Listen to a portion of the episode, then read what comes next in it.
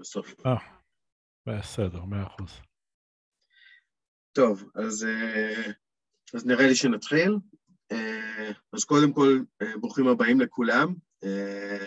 אנחנו עכשיו, היום פותחים את השיעור הראשון בלו"ז של החורף שלנו. בדיוק היה לנו את סדרת החורף, את, את סדרת הפתיחה שהסתיימה לפני שלוש שבועות עם השיעור המרתק של יוחאי מקבילי. סדרת הפתיחה כללה חמישה שיעורים במגוון נושאים, ולו"ז החורף הוא לא פחות מרתק. אני שנייה, אני אשתף פה מסך, תוכלו לראות מה הולך להיות. הנה, אני חושב שאתם יכולים לראות. פה לפניכם את לו"ז החורף. אנחנו פותחים היום עם יוסי דיה, שידבר איתנו על החינוך הספרדי וסדר החינוך בחלב במאה ה-20, כפי שהוא בעצמו אה, חווה אותו. אה, אנחנו בעוד שבועיים נשמע מהרב יצחק שאלת, אה, רב מאוד חשוב אה, בישראל, אה, ב, אה, רב בישיבת אה, ברכת משה במעלה אדומים, אה, וכן אה, שידבר על, על הרמב"ם אה, ומתי נפרדו דרכו, דרכה, דרכיו מהפילוסופים. לאחר מכן דוקטור אלנתן חן ידבר איתנו על אבן ג'נאח, גדול חכמי ספרד בחוכמת הלשון, גדול המדקדקים, כמעט בהיסטוריה של עם ישראל, אפשר לומר אפילו, עד, ימ, עד ימינו אפילו, הייתי, הייתי אומר, וחבל שלא מספיק מכירים אותו.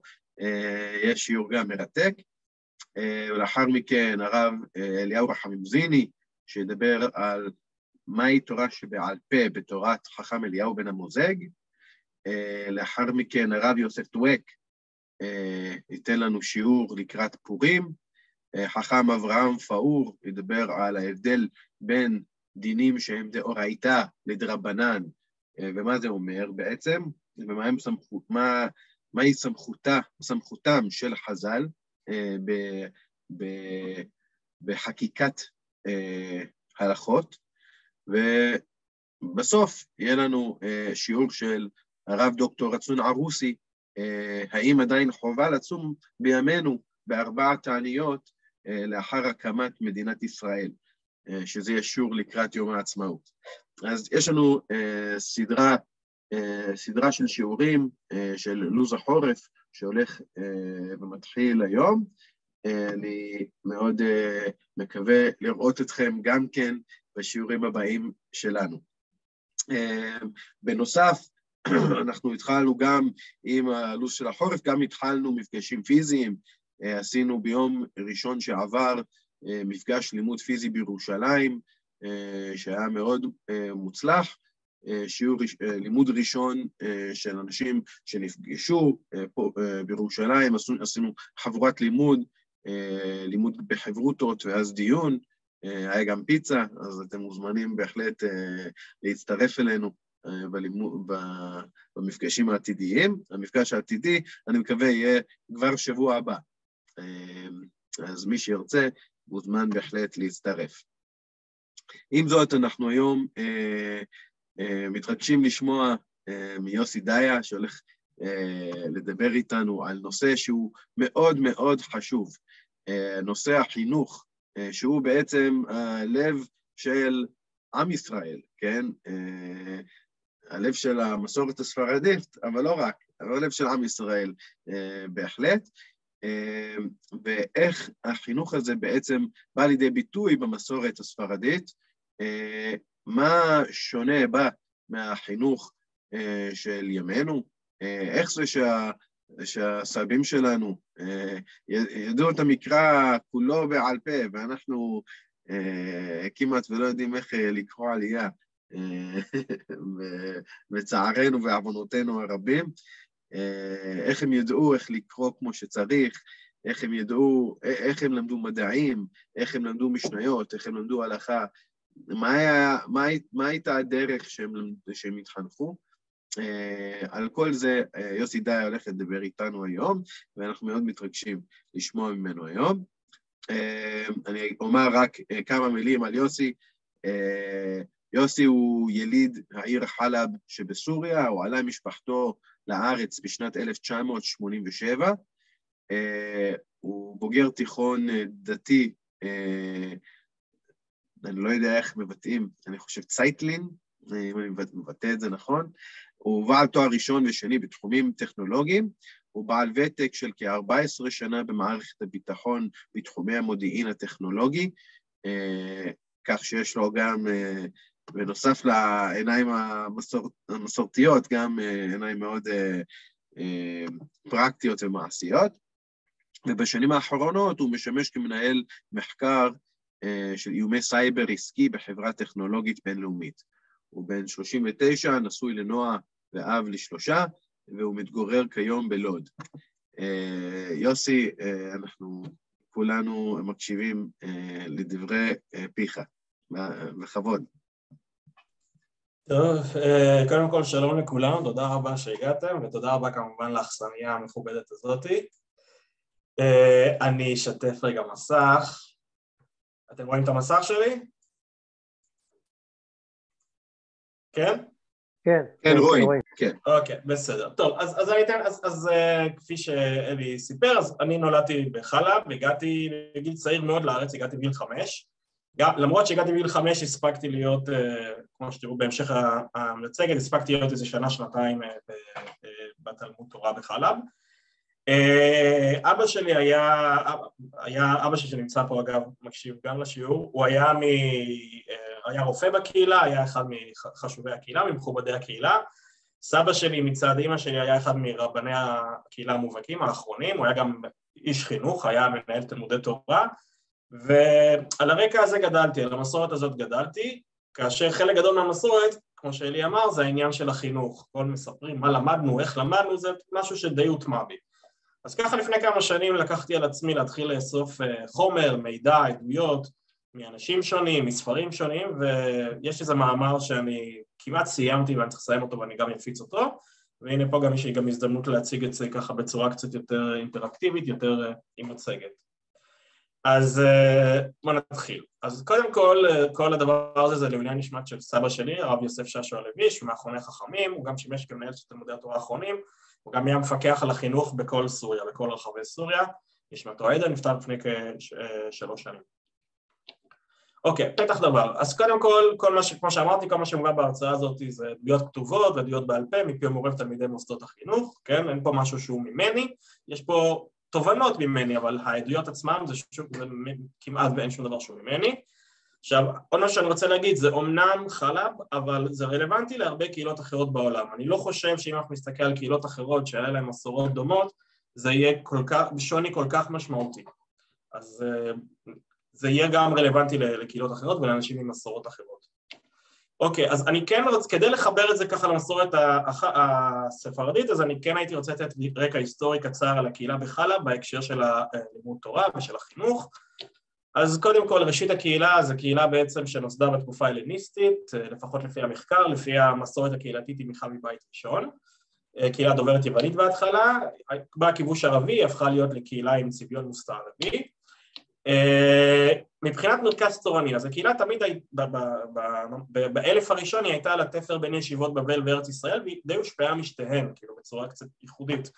אה, מתלמידי ישיבות בבל הגיעו לחלב וגם מתלמידי ארץ ישראל וגם נשלחו מחלב לישיבות האלה.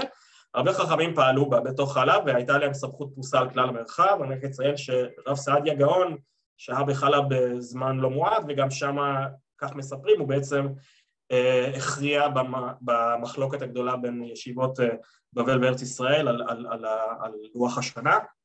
היה שם גם רב יעקב בן יוסף, שהוא היה רב מאוד גדול, ויש תיעוד של, אה, של תשובות שהוא שלח לכל, ברחבי האזור. זה בימי קדם. המאה ה-12, אני, יש איזה קונספט ככה מוטעה שההשפעה הספרדית על אזור הלבנט התחילה מגירוש ספרד אה, למען האמת זה קצת אה, לא מדויק, כי כבר במאה ו-12 הייתה הגירה די גדולה אה, מאנדלוסיה, דווקא מאזור צפון אפריקה וספרד המוסלמית, לכיוון הלבנט. אני מניח ש... והכי מוכר זה הרמב"ם, אבל בנוסף לרמב"ם עוד היו די הרבה. אה, אני חושב שהסיבה היא בגלל המואחידון, אין לי משהו שתומך בזה, אבל אני מניח שזו הסיבה שזה בעצם אנחנו רואים הגירה גדולה. בין השאר אנחנו רואים הגירה גדולה לחלב, אה, ואנחנו רואים בחלב באמת רשימה של רבנים די גדולה, אנחנו רואים את הרב יהודה אלחריזי, רבי שמואל בן עבאס, התלמיד של הרמב"ם, הרב יוסף בן שמעון, אה, ועוד רשימה מכובדת של רבנים שהגיעו מאנדלוסיה.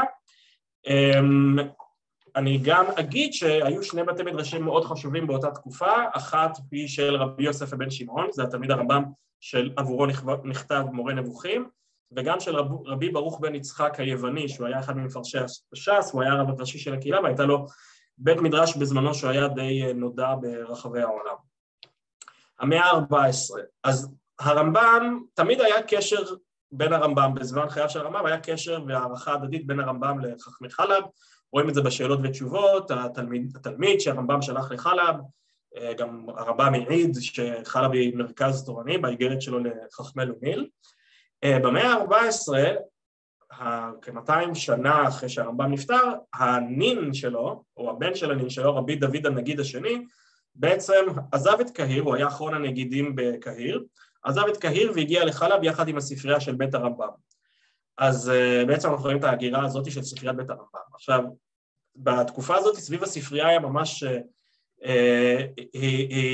התקהלו קהילות של לומדים סביב הספרייה, בתי מדרש סביב הספרייה, היא הייתה באותה תקופה, הייתה חלב הייתה מרכז מאוד מאוד חשוב של העברת תורת הרמב"ם.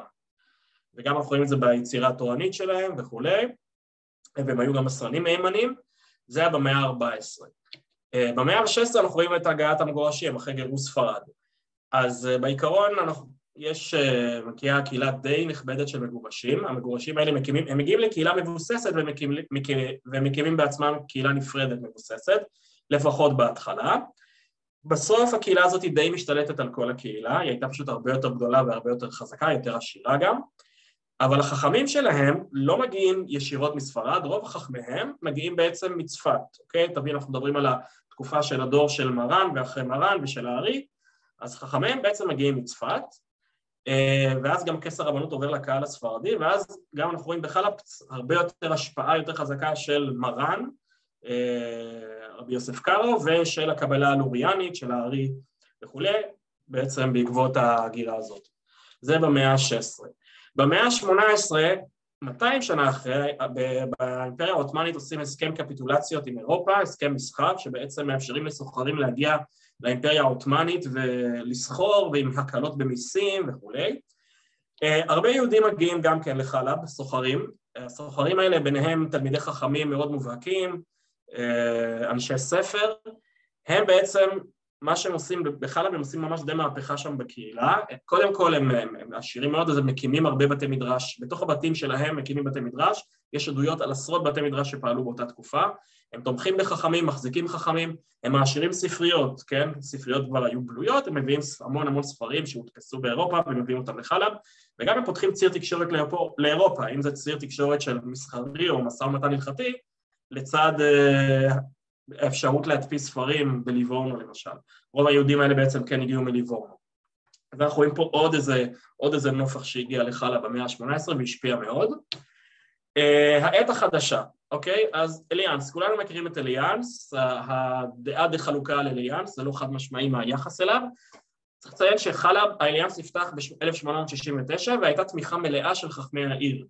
תמיכה כאילו מלאה של נאומי uh, תמיכה והרבנים שלחו את התלמידים שלהם לשם, uh, את הילדים שלהם לשם uh, והרבנים עצמם לימדו שם, באמת היה די, זה די הייתה שם תמיכה בבית ספר אליאנס. באליאנס למדו לימודים כלליים, שפות, מדעים, לצד לימוד תורה. ולימוד תורה הם לומדים בבית המדרש. הבוגרי מוסד בדור שאחרי זה הם הפכו להיות ראשי הקהילה, גם הרבנים, גם העסקנים, הם כולם היו בוגרי אליאנס, כאלה של תחילת המאה העשרים. אה, עם החלת המנדט הצרפתי, בעצם אחרי מלחמת העולם הראשונה, הגיעה הנהלה חדשה לאליאנס, והיה שם השתלטות של בני ברית. והיה שם קצת שינוי של אופי המוסד. קודם כל, לימודי עברית ויהדות מצטמצמים למינימום, כן? לא מלמדים עברית, לא מלמדים יהדות, וגם מביאים לשם אווירת חילון ופריקת עול, משהו שלא היה קיים לפני כן. מורים שהיו מפ... אה, מחללי שבת בפרהסיה, אה, ובאמת מעודדים כל מיני דברים שהם שרוח החכמים לא הייתה אה, נוחה איתם. והיה מלחמה מאוד גדולה, שזה ספר שלם, היה באמת ממש מלחמה נגד האליאנס. אחד הדברים שהקהילה עשתה כתגובה לאליאנס היה להקים את התלמוד תורה, להקים ועד תלמוד תורה. שבעצם מה שהם רצו לעשות זה להקים תלמודי תורה ממוסדים. עד אז לא היה תלמוד תורה ממוסד, זה היה קבוצה לומדת עם מורה, פה קבוצה, פה אחד מביא מורה, מורה פרטי לבן שלו, פה הם הקימו ממש תלמודי תורה ממוסדים, אני מדבר פה על תחילת המאה ה-20, שאמורים גם להתחרות באליאנס. עכשיו, במקצועות, בתלמודי תורה האלה הם שילבו גם לימודי שפות ומקצועות בהתחלה, עם לימוד תורה וגם עם בית מדרש, כאילו, גם במסגרת התלמוד תורה גם יהיה בית מדרש. אז רק אני אציין שבסוף האליאנס נסגר ומוסדות חינוך האלה נותרו לעמוד על תילם עוד עשרות שנים וזה המוסדות חינוך שבעצם אני אה, אתעד עכשיו. אה, מבוא למסורת, לפני שאנחנו נכנסים ממש לתיעוד בואו ניתן קצת מבוא למסורת. אז אני אתחיל פה עם איזה ציטוט ממאמר של הרב יצחק דיין, שהוא היה גם כן מאוד פעיל בחינוך היהודי בתחילת המאה הקודמת, והוא היה אה, די היה ההוגה של זה. אז אני ככה אני אקרא את זה מהר, על הבל פיהם של תינוקות של בית רבן העולם עומד. החינוך הוא היסוד הגדול שעליו ישראל קיימים לעד, ובכן עלינו אפוא לשים כל עבודתנו, שאיפותינו ומגמתנו, לחנך את בנינו ברוחנו אנו, אוקיי? רוחנו אנו, רק מה שאנחנו מחליטים, זה מה שאנחנו רוצים שנלמד.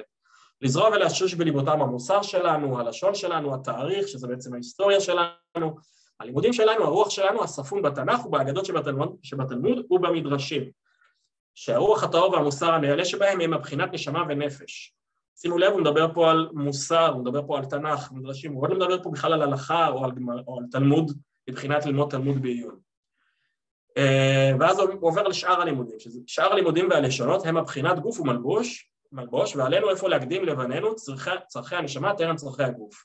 ואז זה וזה יתקיימו בידם, כי יהיו לאנשים חכמים, מוצלחים, טובים ומועילים לאלוקים, ולתורתו ולעמם ולעצמם ולאחרים ולכל העולם. ככה הוא סוגר את המאמר הזה. אז אני גם מדברים שהוא כותב פה וגם מכל ה, אה, מה שעבדתי ואספתי, בעצם בניתי ככה מהי רשימת המטרות, מה בעצם המטרות החינוך, כפי שאני רואה אותן, כפי שבאמת מצטייר מה, מהתיעוד. קודם כל אינדיבידואלי, ברמת התלמיד עצמו. כל תלמיד צריך ללמוד באופן מתקיף את המקצועות התורה הבסיסיים הנדרשים לו. מה שהוא צריך ללמוד כדי יוכל לקיים מצוות ולהתנהל כיהודי, זה מה שהוא ילמד, את הבסיס, אוקיי? אה, קהילתי לאומי, אוקיי? אה, מטרה שנייה. בעצם התלמיד הוא חלק מהקהילה, התלמיד הוא חלק מה, מה, מהאורגניזם הזה שנקרא הקהילה והוא חלק בלתי נפרד. זאת אומרת, התלמיד צריך להיות, חלק, להיות פעיל בתוך הקהילה וגם אם הוא יוצא ולומד, לחזור לקהילה ובעצם לתרום לה ולהיות חלק ממנה. בבקור טוב. אז זה במובן יותר הקהילתי-לאומי. האוניברסלי, בעצם המטרת החינוך היא לתת לתלמיד כלים שיוכל, כאילו, אנחנו נמצאים, אנחנו קהילה, היו, היו קהילה, ומחוץ אליהם יש תרבות מחוץ לקהילה, אוקיי? אז אנחנו רצו גם לתת כלים לתלמיד שבעצם יוכל לנהל מול התרבות החיצונית ואפילו לשגשג במסגרתה, להצליח, לא, לא להתנתק מהתרבות, מהתרבות החיצונית. אז אלו שלושת המטרות החינוך כמו שאני הגדרתי אותם. בואו נעבור לתחומי הלימוד, אוקיי? אז קודם כל במוסדות החינוך האלה שנתעד למדו גם לימודי דת וגם לימודים כלליים. אני אגיד פה הערה, נהוג היום לומר לימודי חול ולימודי קודש, לא השתמשו במילים, במושגים האלה. המושגים האלה זה מושגים שהם אירופאים, כ-secular studies ו-holy studies לדעתי, ולא לא היה את המתח, לא השתמשו בהם כי לא היה את המתח הזה, כן? זה לא היה שני דברים שיש ביניהם מתח וצריך אה, איכשהו לאזן ביניהם, לא, לימוד, היה לימודי דת, עלום דין, והיה את הלימודים הכלליים, אל עלום לעמה, שלמדו את שניהם ביחד. אוקיי, אז לימודי הדת, בערבית היו קוראים לזה לקרוא. מה הוא עושה? לומד תורה? בירה, ביקרא, קורא. אז הם נלמדו קודם כל באופן מתודי והקיפו ספרות יסודית נרחבת, מקרא, הלכה, תפילה ומדרשי אגדה. רק תלמידים שנמצאו מתאימים, לא כולם, רק קבוצה של תלמידים עברו ללמוד גמרא בעיון ובעצם העמיקו בספרות ההלכה וכולי, לתפקידים רבניים יותר, אבל גם היו מסגרות של לימוד תורה מחוץ למסגרת הפורמ... החינוך הפורמלית ואני אגיע לזה בהמשך. עכשיו מבחינת הלימודים הכלליים, אז קודם כל הלימודים הכלליים זה היה מה המינימום שנדרש על מנת שהתלמידים יוכלו להתפרנס ולשגשג. הלימודים הכלליים היו בתוך תלמוד התורה ובית המדרש, הם לא היו במקום חיצוני, הם היו בתוך אותן כיתות, אוקיי? עכשיו, אה, מסגרות החינוך, איזה מסגרות חינוך היו קיימות? תלמוד תורה, תלמוד תורה זה בעצם מקביל לבית ספר היסודי, אה, למדו בו כל ילדי הקהילה, כן, זה היה פתוח לכולם. הכניסה שם הייתה בין גילאי 3-5 לגילאי 10, ובין גילאים 3 עד 5, וזה בעצם הלימודים נמשכו עד גילאי 10 עד 12 ויותר. כשסיימו תלמוד תורה עברו למוסד, למסגרת של בית המדרש, אוקיי? שזה בעצם מקביל לחטיבת ביניים מבחינת הגילאים. פה למדו הבחורים, והגילאי כניסה היו בין 10 ל-12 והם נמשכו בין 15 ל-17. היה גם את בית הכנסת, שבו בזמן, בשבתות וחגים למדו התלמידים והנערים, כולם למדו בשבתות וחגים שם. אז זה גם היה אחד ממסגרות החינוך שהיו בעיר בחלב. מבחינת התיעוד, מה שאני מתאר פה, אז מוסדות עצמם, זה, יש תלמוד, תלמוד תורה בן מימון, שהוא היה בשכונת בחסיתא, אה, יש תלמוד תורה סמואל, שזה אה, על שם שמואל בן עדיה, שהיה בשכונת הג'מיליה, שזה תלמוד תורה שאני למדתי בו, ובו אבא שלי למד, וגם האחים שלי ואימא שלי, ואותו גם ניהל סבא שלי. בית מדרש בית נשיא, שזה היה בית מדרש אה, מאוד מפורסם בחלב, ובית כנסת ג'מיליה, שזה היה צמוד לאותו תלמוד תורה. התקופת תיעוד פחות או יותר היא מהחל משנות ה-40 של המאה ה-20 ועד לשנות ה-80. אין לי פה פילוח לתקופות, יש דברים שהתקיימו יותר בתקופה מסוימת, בתקופה אחרת, אני קצת אגע בזה, אבל אני לא עושה פילוח לתקופות, כי זה נראה לי לא רלוונטי. אורחות ונהלים, לפני שאני מתחילים לסדר, בואו נראה איזה אורחות ונהלים היו בתלמוד תורה. אוקיי? אז מבחינת מסגרת הלימודים, קודם כל, מסגרות החינוך היו בתחומי הקהילה ונוהלו על ידה באופן מלא, אוקיי? הקהילה אחראית על החינוך, הקהילה אחראית על מה שיהיה בחינוך, על איך שהתלמידים ילמדו. אין התערבות חיצונית, חוץ מלימודים כלליים שאתה צריך את, את, את ההכוונה של, המ, של הממשלה בשביל תעודת בגרות, מבחינת הלימודים ולימודי הדת אין שום נגיעה של, של הממשלה. ותחשבו שזה לא כמו בימינו, היום יש לך משרד חינוך, היום אין לך כוח, אין להורים ולקהילה כוח להחליט מה הילד שלהם ילמד, אוקיי?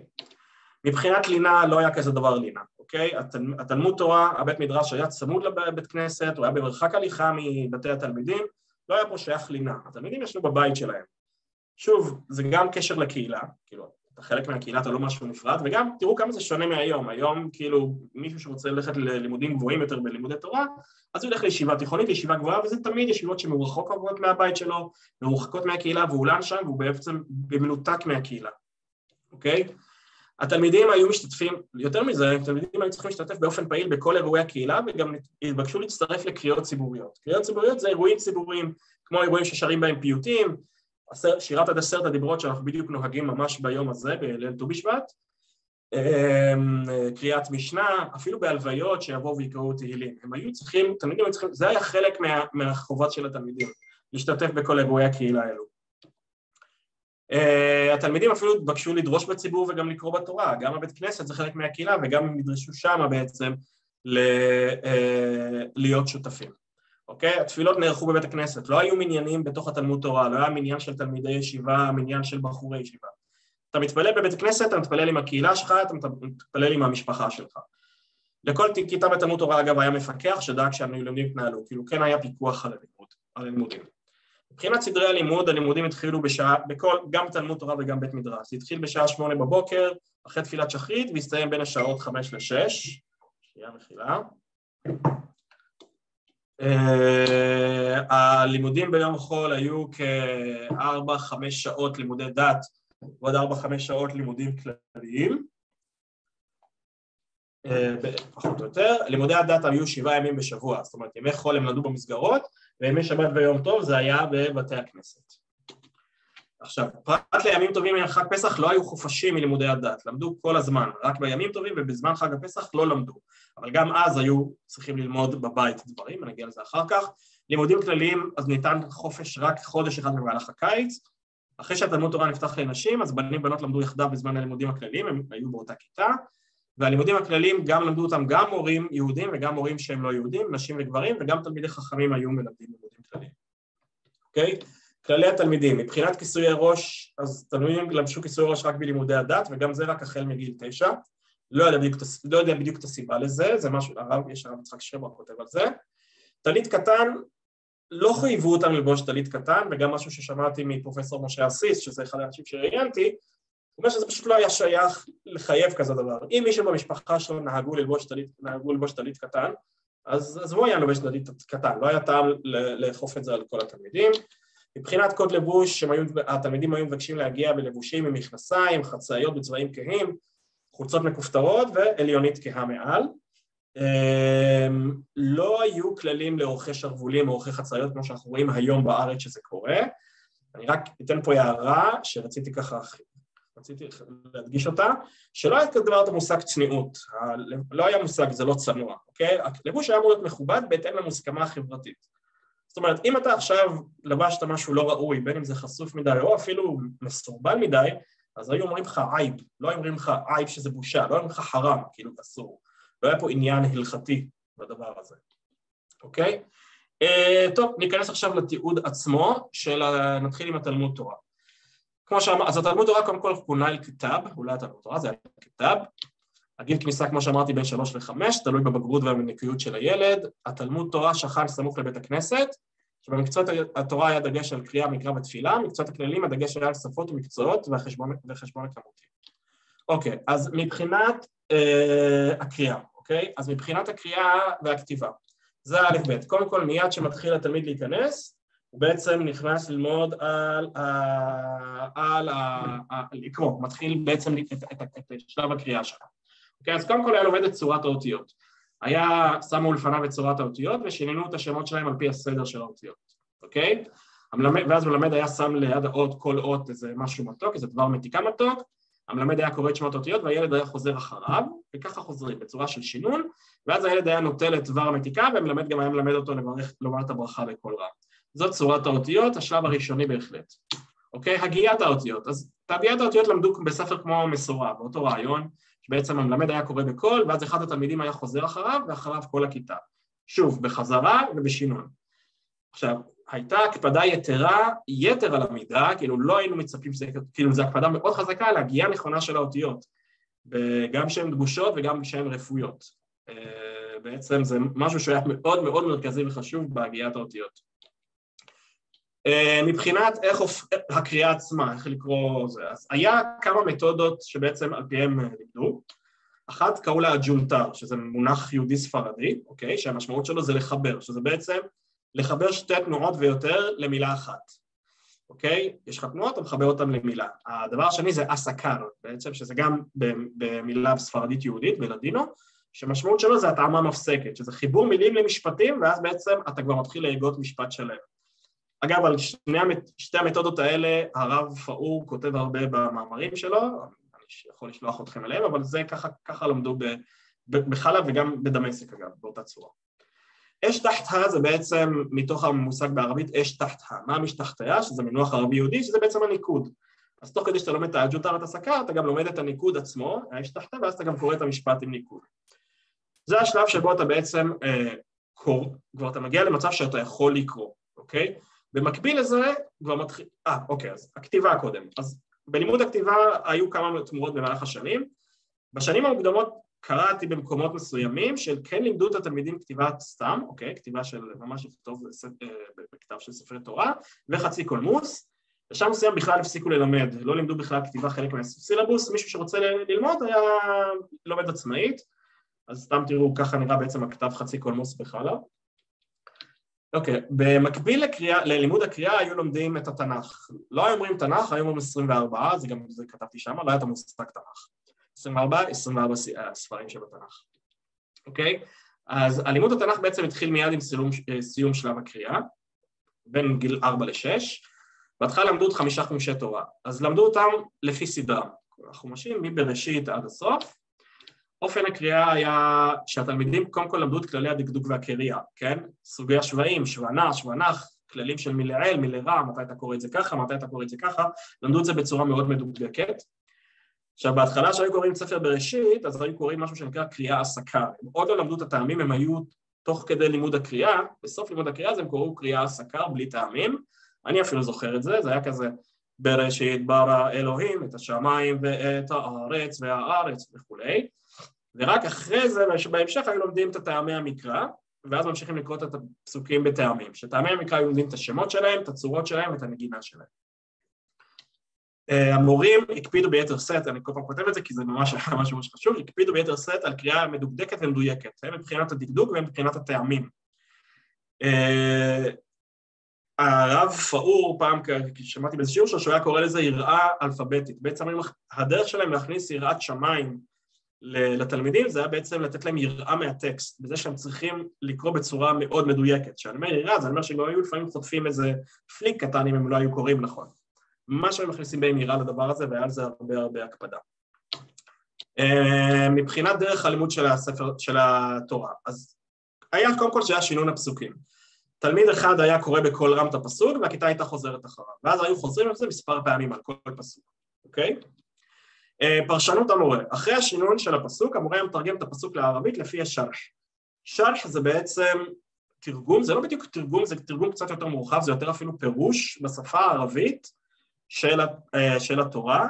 השרח הראשון המוכר זה היה של רבי סעדיה גאון, בעבר היו לומדים בחלב בשרח של רבי סעדיה גאון, אבל אחרי זה בהמשך, שזה כבר הפך להיות שפה קצת מיושנת ורצו להתאים אותו לשפה יותר מודרנית, אז שכתבו מחדש את השרח. היה רב בשם הרב מאיר ששון שהוא בעצם שכתב אותו מחדש. הוא מבוסס על רבי סעדיה גאון, אבל הוא כן יותר מותאם לשפה המודרנית. עכשיו, אחרי שהוא היה מלמד את השרח, אז הוא היה אחרי זה מסביר ומרחיב, אוקיי? עכשיו, הוא לא היה, בשימוש בפרשנים, הוא לא היה משתמש בפרשנים, הם לא היו מעיינים בפרשנים במסגרת הכיתתית. מה שהמורה היה עושה, היה בעצם, אחרי שהוא אומר את השרח, היה בעצם מסכם את דברי הפרשנים, הוא היה מסביר את הפסוק. היה מלמד אותם את הפסוק, מסביר להם את הפסוק, את המילים, את המשפטים, מה שנותן להם את ההסבר של הפסוק, ואם יש איזה משהו, משהו של פרשן רלוונטי, אז היה גם מכניס את זה, אפילו בלי להגיד שזה הפרשן עצמו. אגב, יש אה, סדרת ספרים בשם מאיר טוב, שכתב הרב יום טוב ידיד הלוי, שהיא פירוש על, ה, על התנ"ך, והיא בעצם הולכת לפי אותו אה, מתודה, של בעצם הסבר המילים ואז פירוש של הפסוק, שזה קצת שונה מסוגי הפרשנות שאנחנו מכירים, אני, אני יכול גם לשלוח לזה לינק. אה, אבל בזמן הבית כנסת, בימי השבת, אז כן היו לומדים את פרשת השבוע עם הפרשנים.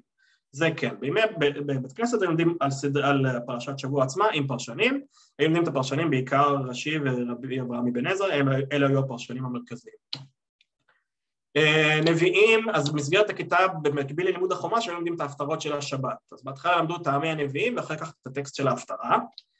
אה, הלימודים היו בצורה של שינון ופרשנות המורה, כמו בחומש, באותו רעיון, שינון.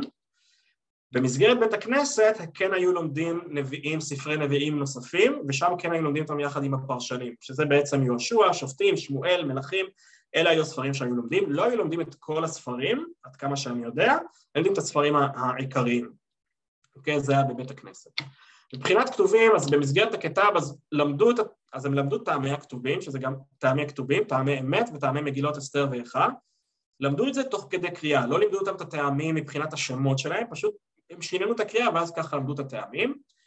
אה, וגם הספרי כתובים נלמדו רק בצורה של שינון בלבד, והם גם לא נלמדו כל הזמן, נלמדו במועדים מסוימים, רובם. כי תהילים כן היה נלמד באופן קבוע, לפחות פעם בשבוע היו קוראים תהילים ומשננים תהילים, אבל נניח את ספר משלי היו לומדים בקיץ. אה, וספרים אחרים נניח היו לומדים בסמוך למועדים הרלוונטיים. את רות היו לומדים בשבועות, את אסתר היו לומדים בפורים, את אחיו ואיוב היו לומדים, לא, כאילו לפני, לפני שבועות, לפני פורים, ואת אחיו ואיוב לפני ט' באב. זה היה הסדר. אה, בבית הכנסת שמעתי מאבא שלי שהם כן למדו שם את ספר דניאל בבית הכנסת עם הפרשנות לערבית של המורה. יכול להיות שפספסתי פה גם כמה ספרים שלא זה, אבל זה בגדול ככה היו לומדים. אה, אם מישהו מעוניין לשמוע, יש פה שזה לא עובד לי, יכול להיות שאני לא enabled, שנייה. אוקיי, okay, שמתי פה לינק לקריאה של uh, בתלמוד תורה בחלב, uh, יש הקלטה משנות ה-70, זה מעניין, מה שאני מספר לכם, לראות, לשמוע את זה live, זה ספציפית על תהילים, אז אני אשלח את הלינק, או שאני אנסה אחר כך בסוף להשמיע את זה. אוקיי, okay, uh, רגע. אוקיי, זה התנ"ך. Uh, התפילה, אוקיי? זה היה הדבר השלישי שלמדו באופן, באופן מאוד מאוד מקיף. אז זה גם היה בלימוד, במקביל לימודי המקרא. אז התלמידים התחילו ללמוד את הטקסט של התפילה, תוך כדי לימוד הלכות, הלכות התפילה. אז הם היו מתחילים ללמוד, את, משננים את הטקסט של התפילה, והמלמד היה מפרש ומסביר. עכשיו, למדו את כל התפילות, מברכות השחר, קורבנות, אה, פסוקי דזמרה, הכל, עד סוף, עד, עד סוף התפילה, היו לומדים גם את כל התפילות אה, של חול ותפילות של שבת, אה, וגם לפני כל מועד היו לומדים את התפילות הפיוט, והפיוטים של אותו מועד. עכשיו, לא רק את התפילות, אני מדגיש גם את הפיוטים, זאת אומרת, לפני פורים למשל, או אולי היו לומדים את, לא לפני פורים, לפני ראש חודש אדר, היו לומדים להגיד את, את, את, את מי כמוך, אוקיי? הפיוט. היו לומדים את הדברים הרלוונטיים שצריך ללמוד. אה, מבחינת סידור התפילה אז היו לומדים את זה מתוך סידורי נוסח הספרדים, אז זה תפילת החודש, בית עובד, בית מנוחה וכולי. הסידורים המוכרים, הקלאסיים של הספרדים. אני אתן פה, פה הערה, שגם אם המנהג המקומי לא טעם את המובא הסידור, אז המנהג היה מקבל את הבכורה. זאת אומרת, הסידורים לא היו חזות הכל, לפעמים היו דברים שלא נהגו בקהילה עצמה, או שדברים שכן, שנגיד פיוטים מסוימים שכן למדו בקהילה עצמה, אבל אין אותם בסידור. אז זה היה באמת, היה פה, אז למדו את זה בצורה כאילו של באמת לאזן את זה. אה, מבחינת התלמוד, אז זה גם משהו שהוכנס בשלב מאוד מאוד מסוים, זה לא היה לפני כן. בשנה האחרונה של התלמוד תורה, הם נותנים לתלמידים, נותנים להם איזה צוהר לעולם התלמוד, כדי להכניס אותם לעולם של בית המדרש. בעצם הם לומדים אותם פרקים נבחרים ממסכתות מגילה ותענית, שהן מסכתות יחסית נחשבות פשוטות. היו בעצם מלמדים אותם את טקסט התלמוד לצד, לצד פירוש ראשי. יותר על איך היו לומדים את התלמוד, אז אני אה, אפרט בהמשך. אוקיי, זה היה בעצם אה, בתלמוד תורה. אה, בית המדרש. כמו שאמרנו, אז בעצם, קודם כל בית המדרש כונה עם מדרש, אני חייב לציין שלא קראו לו ישיבה, לא היה את המושג הזה ישיבה, היה רק את המדרש. גיל הכניסה, כמו שאמרתי, היה בין 10 ל-12, כאשר סיימו את הלימודים בתלמוד תורה, שבמקצועות התורה הפעם הדגש היה על הלכה, מדרש ותלמוד, ובמקצועות הכלל... הכלליים הדגש היה על מדעים מדויקים. אוקיי? אז מבחינת הלכה, הספרות הייתה שולחן ערוך, כולם, כאילו הלכה שכולם היו לומדים, כן? של כל התלמידים. שולחן ערוך עם נושא כלים, בעיקר אה, באר היטב, והגהות מורם. מורם זה רבי משה איסרליש, זה מה שאנחנו מכירים היום הגאות רמה, אבל אצל הספרדים היו קוראים לזה אה, מורם, מורנו ורבנו רבי משה. אה, אופן הלימוד היה שהתלמיד היה קורא סעיף ההלכה בהתאמה ובנגינה, היה, היה נגינה מיוחדת, כמו של קריאת התלמוד, ושאר התלמידים היו חוזרים אחריו. ואז המורה היה מפרש את הטקסט ומסביר את ההלכה, ותוך כדי גם מעיינים בנושא כלים. פרקי הלימוד היו לומדים את הלימודים הפורמליים של בחלק אורח, את הלימוד הפורמלי היה בחלק אורח חיים. זאת אומרת ההלכות המעשיות של חול ושבת, וגם לפני כל חג את ההלכות של החג, לא מעבר לזה, לא היו לומדים דברים שלא היו רלוונטיים לתלמיד. אה, שזה מחזיר גם כן אותי, כאילו גם כן, אם אנחנו נלך למטרות הראשונות, אה, שהגדרתי בהתחלה, זה בעצם המטרות האינדיבידואליות. אני צריך ללמד את התלמיד את מה שהוא צריך ללמוד, אוקיי? אז אם זה גם כן, עם מה שהראינו את התפילה ואת התנ"ך, אז גם ההלכה, את הדברים המאוד מאוד ספציפיים לתלמיד שהוא צריך ללמוד. מדרש ואגדה, אוקיי? אז uh, אנחנו יודעים שבמסורת הספרדית יש משקל, משקל מאוד מאוד גדול ניתן למסכות המדרשית. זה בא לידי ביטוי בהרבה ספרים של דרשות ואומנות הדרשה אצל חכמי הספרדים, uh, וגם בכתיבה לירית עשירה שהיא מאוד מאוד משפעת מהאגדות. ויש לזה סיבה, כי באמת היו לומדים את זה. המפגש הראשון של התלמידים בעצם עם הספרות התלמודית, כן? היה עם הטקסט המדרשי אגדתי. אוקיי? שמבחינת הספרות התלמידים היו לומדים את עין יעקב על הסדר ואת אגדות פרק חלק, אוקיי? כאשר אופן הלימוד היה שבהתחלה התלמידים היו משננים את הטקסט בנגינת הגמרא, היו לומדים את הטקסט בניגון של הגמרא, שנשמע את זה אחר כך, אם זה יאפשר לי להשמיע, ואחרי זה המורה היה חוזר ומסביר את הכתוב ומרחיב עליו עד שהיה מובן כהלכה. ככה זה האופן הלימוד. עכשיו מבחינת הפרשנות, לא למדו את המדרש כפשוטו, כן? המורה יחד עם התלמידים היו מעיינים בכתוב מפרשים, ובמפרשים כדי להסביר את המשמעות המדרש ומה הוא בא ללמד אותנו. בין אם זה משהו, ללמד שם איזה משהו הלכתי או לתת שם איזה, איזה פרשנות הלכתית כלשהי, בין אם זה מהי משמעות, מה המוסר מאחורי זה, אבל לא לימדו אותם בצורה שהיא מילולית, את האגדות עצמן. אוקיי? שזה שוב הולך למה שהרב אה, יצחק דיין כתב, מה שהראיתי בהתחלה, בעצם כן ללמד את המוסר שבמדרשי אגדה. אוקיי, מה עם תלמוד וגמרא? מה עם לימודים קצת יותר רציניים? אז היה בבית המדרש כיתה שנקראה כיתת המעיינים, אוקיי? בעצם תלמיד שהיה נמצא מתאים על ידי המורים שלו, היה עובר ללמוד בכיתה הזאת. ובכיתה הזאת כבר למדו גמרא בעיון עם התעמקות בספרות ההלכה. זה היה באמת קבוצה מצומצמת של תלמידים. Uh, כמו שרשם, כמו שאמרתי, מספר התלמידים היה מצומצם ביחס לכיתה רגילה, עכשיו מבחינת התלמוד זה היה בשיטת העיון החלבי, שזה בעצם עיון עמוק בטקסט הגמרא ובמפרשים, ללא פלפול, כאשר המטרה היא חילוץ ההלכה. ממש בקצרה, וכי אפשר לדבר על זה הרבה, ויש הרבה שמבינים בזה הרבה יותר ממני, שלבי המלימוד היו בשלב הראשון שינון של הטקסט של הסוגיה עד שמובן, עד שמובן כהלכה, וזה בניגון מסורתי של המשנה והגמרא. לא נוגעים באף מפרש, קוראים את הטקסט ומשננים אותו ומבינים אותו ומסבירים מילה במילה. זה מה שחכם יוסף פאור קורא לו צורת הדשמטה. השלב השני זה כבר עיון מדוקדק במפרשים. אז התחילו עם ראשי, תוספות, ואז גם עברו למפרשים נוספים, מהרשה, מהרם שיף, פני יהושע, רבי יצחק לומברזו, ועוד ועוד מפרשים, כאשר לכל מסכת היה את המפרשים הרלוונטיים אליה. מבחינת המסכתות הנלמדות, אז בהתחלה היו מתחילים מסכתות פסחים, כתובות ובבא מציאה, ואחרי זה ממשיכים עם מסכתות נוספות. סדר הלימוד, אז בעצם, כמו שאמרתי קודם, לפני תחילת לימוד מסכת, אז בעצם היו ממלאים את המדפים בספרות החידושים שרלוונטית לאותה מסכת. בתחילת כל מסכת הרב היה מתחיל את הלימוד של הסוגיות עם התלמידים, ואז בעצם התלמידים עצמם היו מבקשים ללמד את הסוגיות בעצמם, בין אם לבד או בחברותא, ביחד. אז התלמידים עצמם היו חוזרים ומשנים את הסוגיות, אחרי זה חוזרים לבית מדרש, ואז התלמידים היו מציגים בתורם את הסוגיה עצמה, בפני הרב. ואז הרב, אחרי שהם היו מציגים, קוראים אותה קודם כל, ואחרי זה מפרשים אותה, ואחרי זה רואים מה הם הסבירו, והולכים לשאר פרשנים. הרב היה חוזר על הסוגיה, חוזר לפרשנים, ואז גם נותן את הדגשים הנכונים. אם הם עשו טעות מסוימת, אז הוא מדגיש את המקומות שהם אולי טעו, והוא היה מדייק את מה שנדרש לדייק. זה ממש ככה על, על, על, על, על, רגל אחת איך היה סדר הלימוד בכיתת המעיינים, בתלמוד. מבחינת הלכה, אז לפני כל מועד הם היו לומדים את המסכת הרלוונטית יחד עם טור ובית יוסף, אז כבר היה לימוד יותר להלכה. מבחינת מקרא, אה, כמו שאמרתי שספרי הכתובים היו בבית תלמוד תורה לומדים לפני כל מועד, אז אצלם היו, אז בתלמוד תורה היו משננים אותם.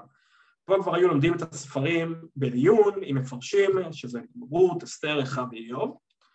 מבחינת דרשה בציבור, אז כל שבוע אחד מבני הכיתה היה מתבקש ממש לדרוש דרשה בשבת בפני הציבור. זה גם משהו שבכיתת המעיינים. שזה גם משהו שמחזיר אותנו של עניין למטרה השנייה של החינוך, שזה בעצם אתה חלק מהציבור, אתה חלק מהקהל, אז אתה צריך לתרום לו ובעצם לתת לו ממך. אה, יש פה דוגמה ל...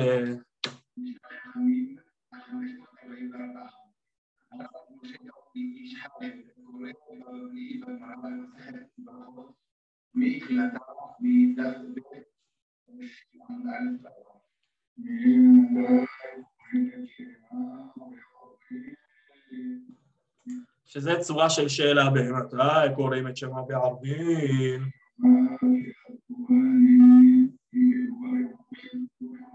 אז הוא מעיר שזה צריך להיות בערבין, אנחנו נוהגים בערבין, לא בערבית.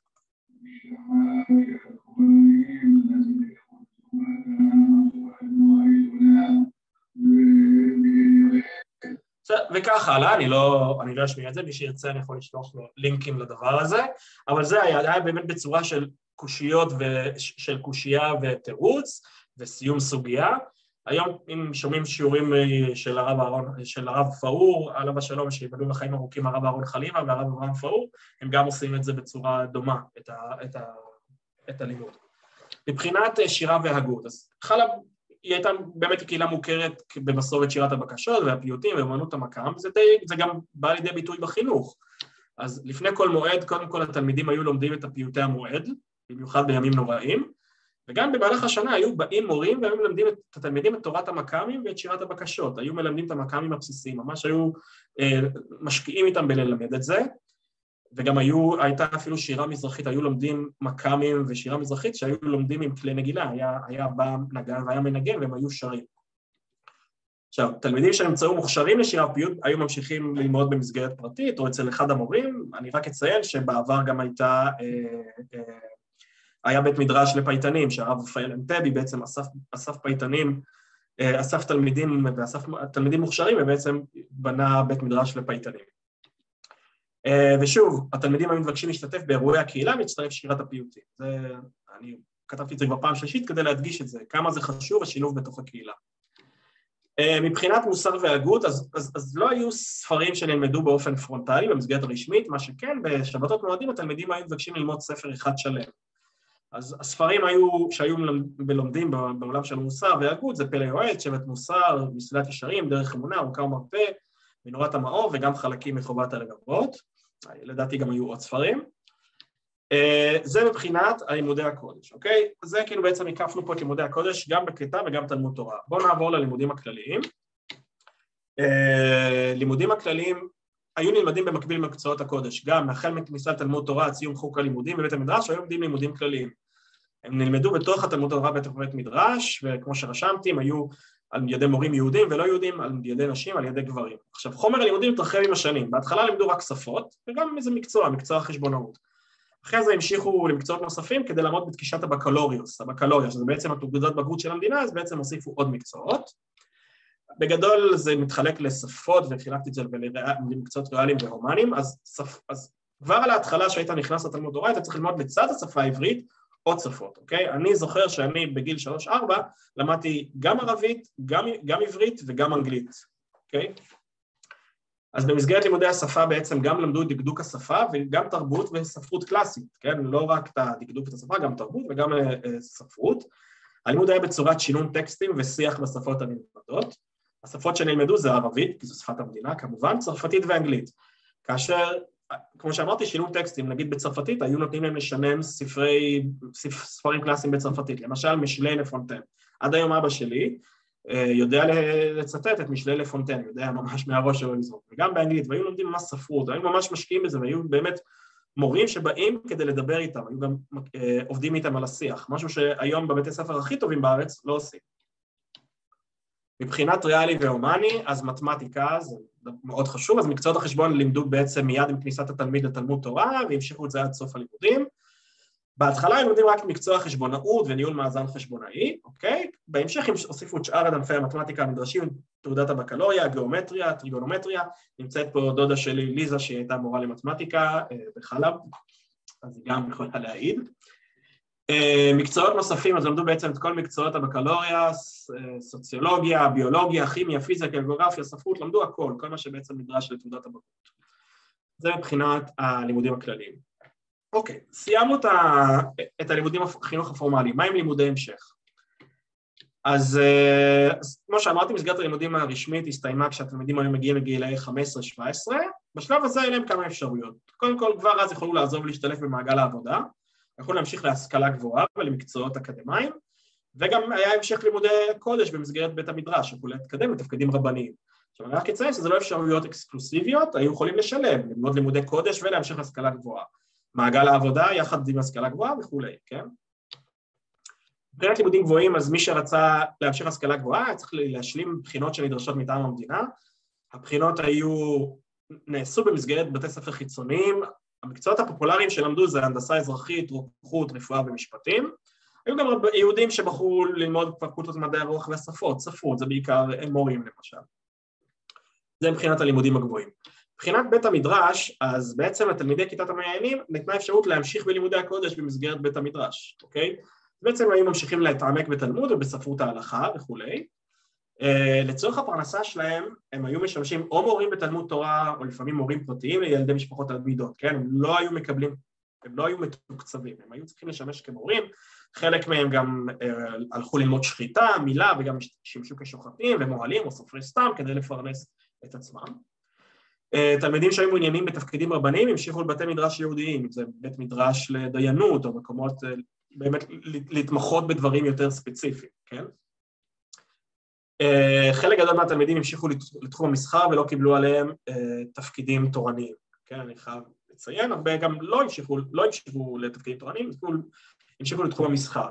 אני גם אציין פה שגם הרבנים עצמם, באמת רוב התקופות ובמיוחד בתקופה האחרונה, עסקו למחייתם, הם עבדו, הרב האחרון הרב יום טוב ידיד היה שלח את ידו בתחומים פיננסיים, הרב אברהם זעפרני היה רואה חשבון, אה, סבא שלי שאומנם היה, היה מנהל תלמודי תורה, אבל גם ראינו בכתבים שלו, הוא כאילו היה ממש כותב מאזנים של חשבונאי, של רואה חשבון. אז כאילו, זה משהו שהם, גם הרבנים המשיכו עם הדבר הזה, עם, ה, עם העולם, מה שנקרא עולם המסחר, עולם החול, מה שהיום נקרא. שכאילו היום יש את המתח הזה, ובאמת בעבר לא היה את המתח הזה. גם פה אנחנו רואים שבעצם אנחנו מגשימים פה את המטרה השנייה שזה חזרה לקהילה, אוקיי? התלמידי חכמים צריכים לשמש כמורים, הם חוזרים בחזרה לקהילה ומלמדים בקהילה במסגרת הקהילה, זה לא משהו שהוא מנותק מהקהילה. אה, קבוצות לימוד, אוקיי, אם מישהו רוצה להעשיר את הידיעות שלו בלימוד תורה, אוקיי, סיים בית מדרש, מה הוא עושה? מה, מה האפשרויות שניתנות לו מבחינת הקהילה? אז יש בקהילה מוסד קדום שנקרא קבוצת לימוד, שזה בערבית קראו לזה קיסמה. שזה מצחיק, כי קיסמה זה מושג קצת צבאי, היית מצפה שזה יהיה ג'מאעה, אבל זה לא ג'מאעה, זה קיסמה, שזה צבאי, מעניין יש לזה קשר. Uh, בעצם זה מושג די קדום, אנחנו רואים כבר עדויות לזה של חבורות לומדים באמת מימי הביניים ובהמשך עד, עד המאה האחרונה. בעצם זה היה קבוצות ש, של לימודים שהוקמו על ידי חברי הקהילה וכל אחד יכל להצטרף אליהם.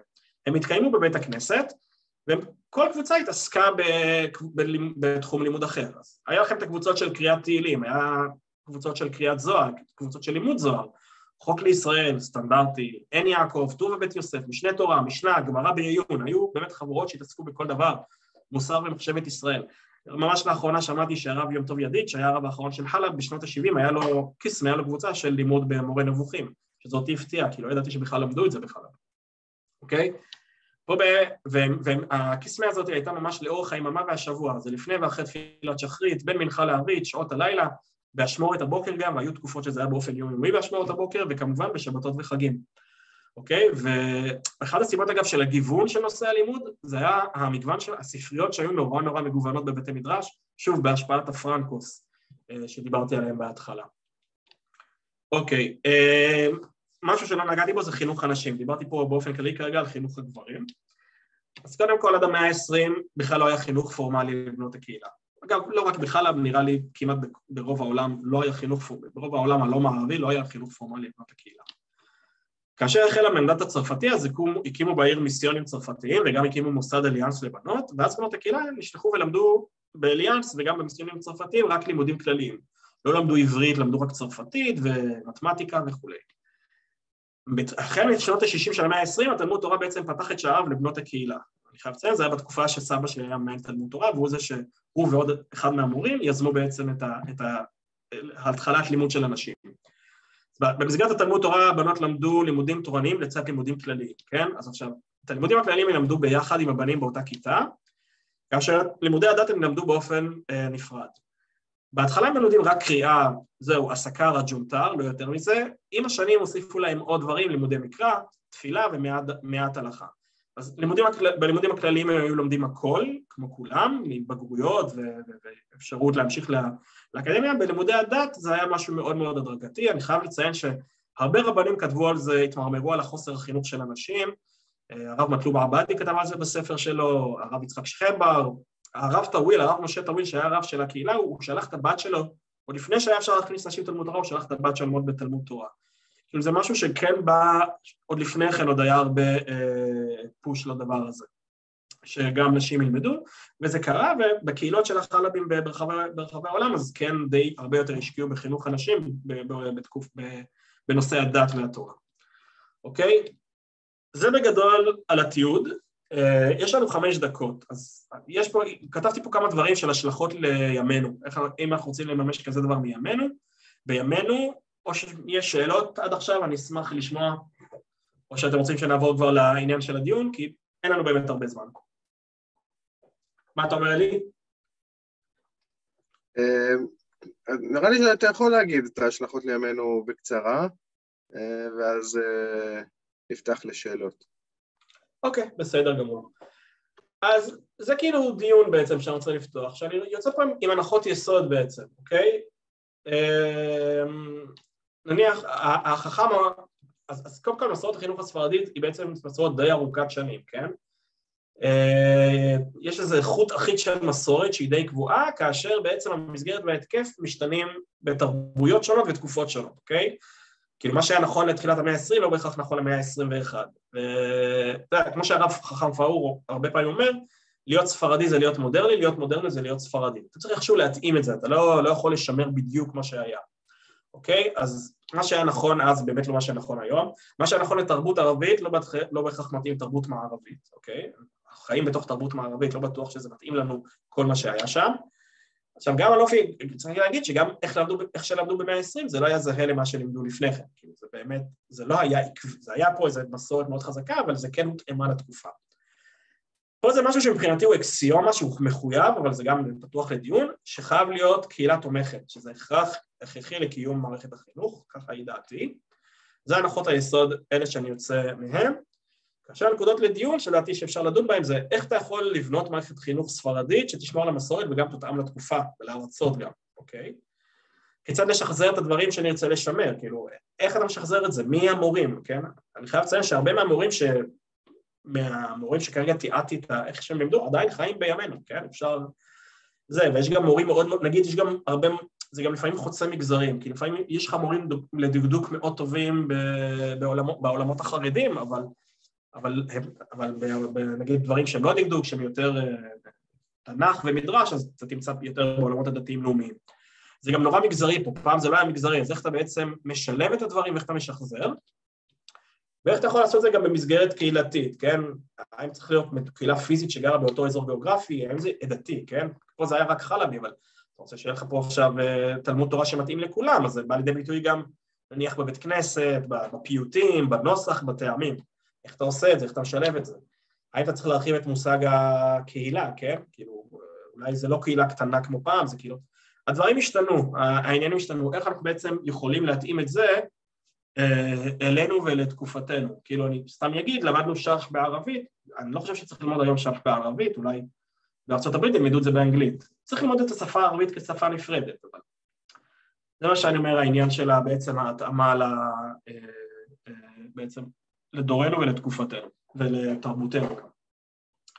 זהו, זה הנקודות לדיון. אני אשמח אם יש שאלות או הערות או בזמן שנשאר לנו, ואם יש לנו עוד זמן אני אשמח, אני אשמח לשמוע מכולם, וגם שאלות על המצגת עצמה, דברים שצצו.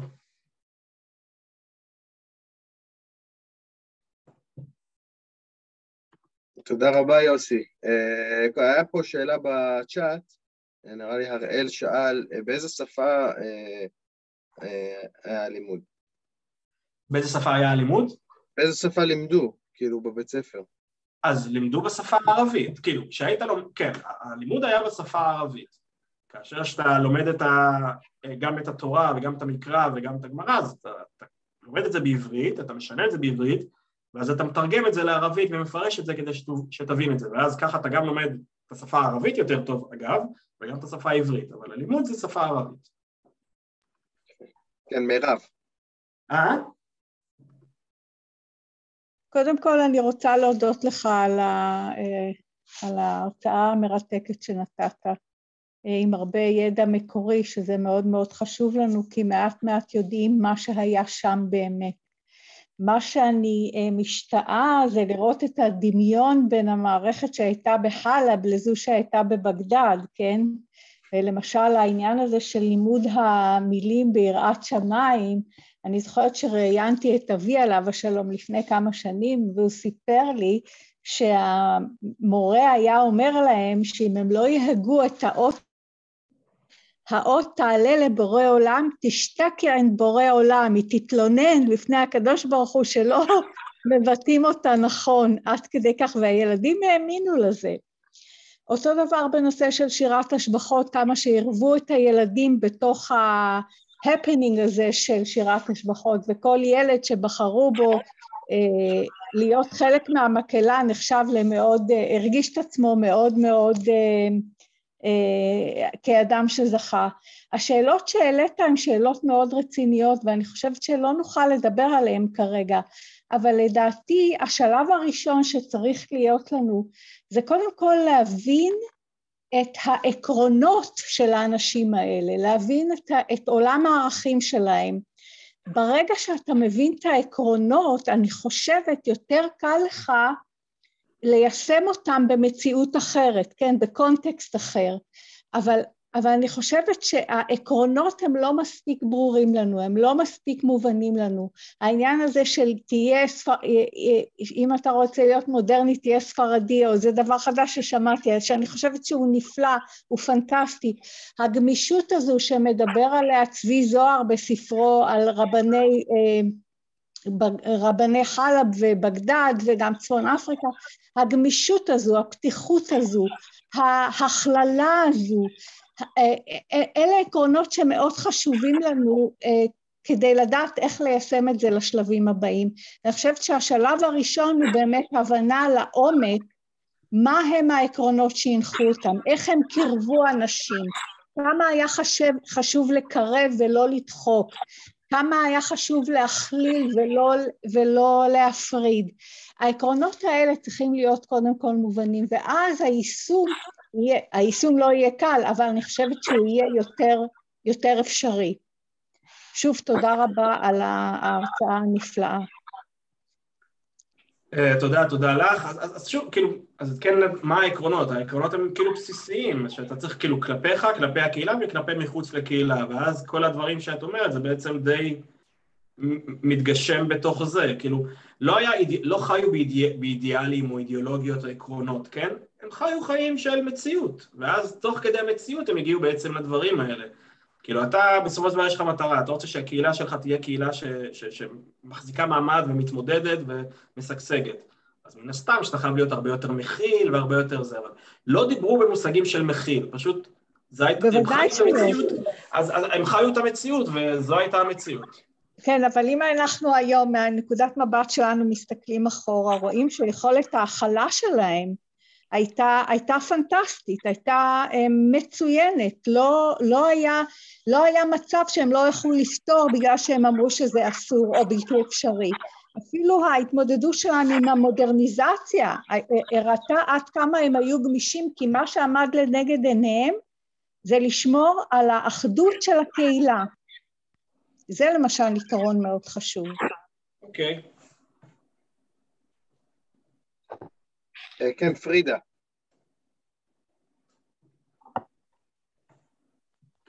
פרידה, היה לך שאלה? יש. אה, כל הכבוד, יוסי.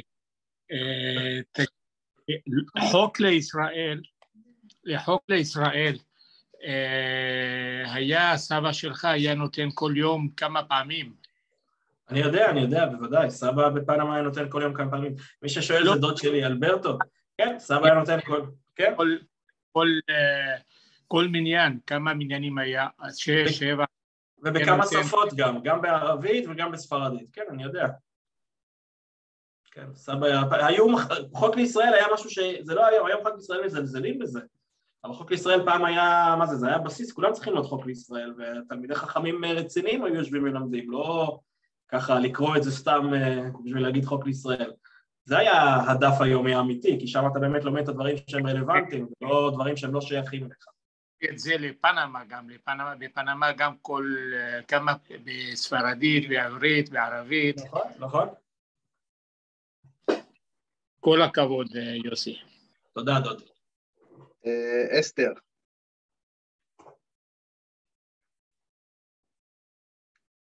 אסתר שהרמת את היד. טוב, אז נעבור ל... אני אומרת. קודם כל מאוד נהניתי מההרצאה וגם למדתי הרבה, תודה רבה. מה שרציתי לשאול זה, אה, אני מניחה, אותי מעניין מהי מידת ההשפעה של החינוך אצל הערבים בחלב על אה, החינוך שאתה הצגת. זאת אומרת מצד אחד ברור לי שלא היה חוק חינוך חובה חינם בעוד שאצל ילדי ישראל זה היה ממש אה, חובה ללמד. היה מקובל שכל הבנים לפחות לומדים. זה אני מניחה שהיה הבדל אבל מכל הבחינות האחרות אה, ההבדלים בין המכתב ואחר כך המדרש ו... האם אה, יש אלו שהם אה, השפעות מהמרחב הערבי על אופן הלימוד ותכני הלימוד בגדול, תכני הלימוד המקבילים? אה, תראי, שוב, אני לא, לא משהו, זה לא משהו שחקרתי, אני מניח שכן, לפחות בלימודים הכלליים זה כן היה השפעות, מן הסתם, כי זה היה מורים שהם מורים משותפים גם, גם לציבור המוסלמי וגם לציבור היהודי. בלימודי דת, יכול להיות שיש איזה השפעות כלשהם, אני לא יודע, תראי, למדו שרח, אז למדו בערבית, אז כן היה שם להכניס את התרבות הערבית. דרך הלימוד, אני לא יודע להגיד לך, אני לא, אני לא מכיר מספיק את uh, איך למדו בעולם המוסלמי כדי לדעת להשוות. אולי יש אנשים שחקרו את זה, אני פחות התעסקתי בזה. שאלה אחרונה, אה, ראובן הכהן. אה, דבר ראשון, תודה רבה, יוסי. ברכה, מזל טוב. תודה רבה. אמ, באמת תודה רבה על הכל. אמ, ככה, שתי שאלות בקצרה, מה, ש, מה שיותר אה, ברור לך, אני אשמח לקבל תשובה. דבר ראשון, שמתי לב להיעדרות של ספרות הגאונים. האם כי זה היה רלוונטי לשלבי לימוד אה, גבוהים יותר, שאלה שהמשיכו להתקות, או שסתם כאילו זה נעדר? אה, שאלה שנייה היא, אה, דיברנו על השפות, רציתי לשאול האם במסגרת ההתעוררות הציונית אה, הכללית היה גם במוסדות לימודי עברית? מה היה? לימודים? מה היה במוסדות בשאלה השנייה? לימודי עברית? אוקיי, אז, אז, אז, אה, אז קודם כל השאלה הראשונה, אז ספרות הגאונים, תראה, מה שבבסיס מה שלמדו, זה מה שהצגתי, אז לא היה את ספרות הגאונים, למדו בעצם ככה, קודם כל למדו מקרא ומדרשים, ומבחינת הלכה למדו את הדברים מאוד מאוד אה, נדרש, בסיסיים, אני אגיד מקיפים ובסיסיים. כאשר בלימודי, כאילו, לימודי המשך, או בין אם זה בית מדרש בין אם לא, אז יכלו ללמוד, לא היה פה איזה, לא היה פה איזה משהו נגד זה או משהו בעד זה, פשוט זה לא משהו שראו שמתאים ללמוד כחלק מהסילבוס הבסיסי של כל תלמיד. זה מבחינת ה... עכשיו מבחינת השאלה השנייה שלך על הציונות, על לימודי עברית, כן היו, זה... אוקיי, אז, אז הציונות כפי שהיא השפיעה על דמשק, היא לא השפיעה אחר, אבל דמשק השפיעה הרבה יותר, אבל כן היו בחלב בתקופת ה, בתקופה של, בעצם של, של הציונות, ובתקופה שגם היו אגב, הרבה מהם היו בגלות בסוריה, בחלב, כן הכניסו ככה קצת יותר תכנים שהם יותר לימודי עברית ותכנים של ציונות, אבל זה לא משהו שהחזיק.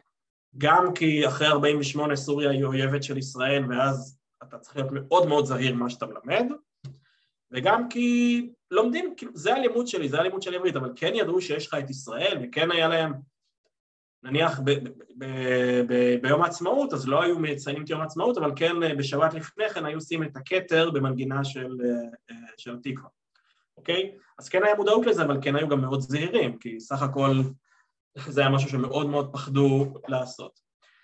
אז זה היה מאוד מאוד חלקי, היה יוזמה של הרב מקלוב עבדי לחזור לחלב, להקים שם בית ספר שבו לומדים עברית, לומדים עברית בעברית, זאת אומרת שגם שפת הלימוד תהיה עברית, לא רק, ה, לא רק הטקסט יהיה בעברית, לא משהו ששמעתי שהתרחב או הצליח, בכל מקרה זה לא משהו, ש, זה לא משהו שתפס אחרי, במאה העשרים. ואם יש שאלות אחרונות כלשהן? טוב, אז אם לא, אז אה, יוסי, תודה רבה, היה מהמם, ובאמת אה, היו פה הרבה עקרונות מאוד מאוד חשובים על איך החינוך אה, נראה, בעזרת השם אולי עוד החבורה תקים בית ספר כזה בהמשך בעוד כמה שנים, בזמן שהילד שלי כבר יספיק לגדול. בעזרת השם. אז תודה רבה לכולכם שבאתם, ותודה שוב ליוסי. השיעור הבא שיהיה לנו זה יהיה בעוד שבועיים אה, עם הרב יצחק שלט, אה, כפי שאמרתי, אה, יום ראשון בשמונה בערב בעוד שבועיים. נשלח את כל הפרטים בקבוצת הוואטסאפ, שהלינק נמצא בצ'אט. אז תודה רבה, ושיהיה לכולם ערב טוב, וט"ו בשבט שמח. ערב טוב, תודה רבה לכולם. תודה, תודה לך, יוסי. תודה.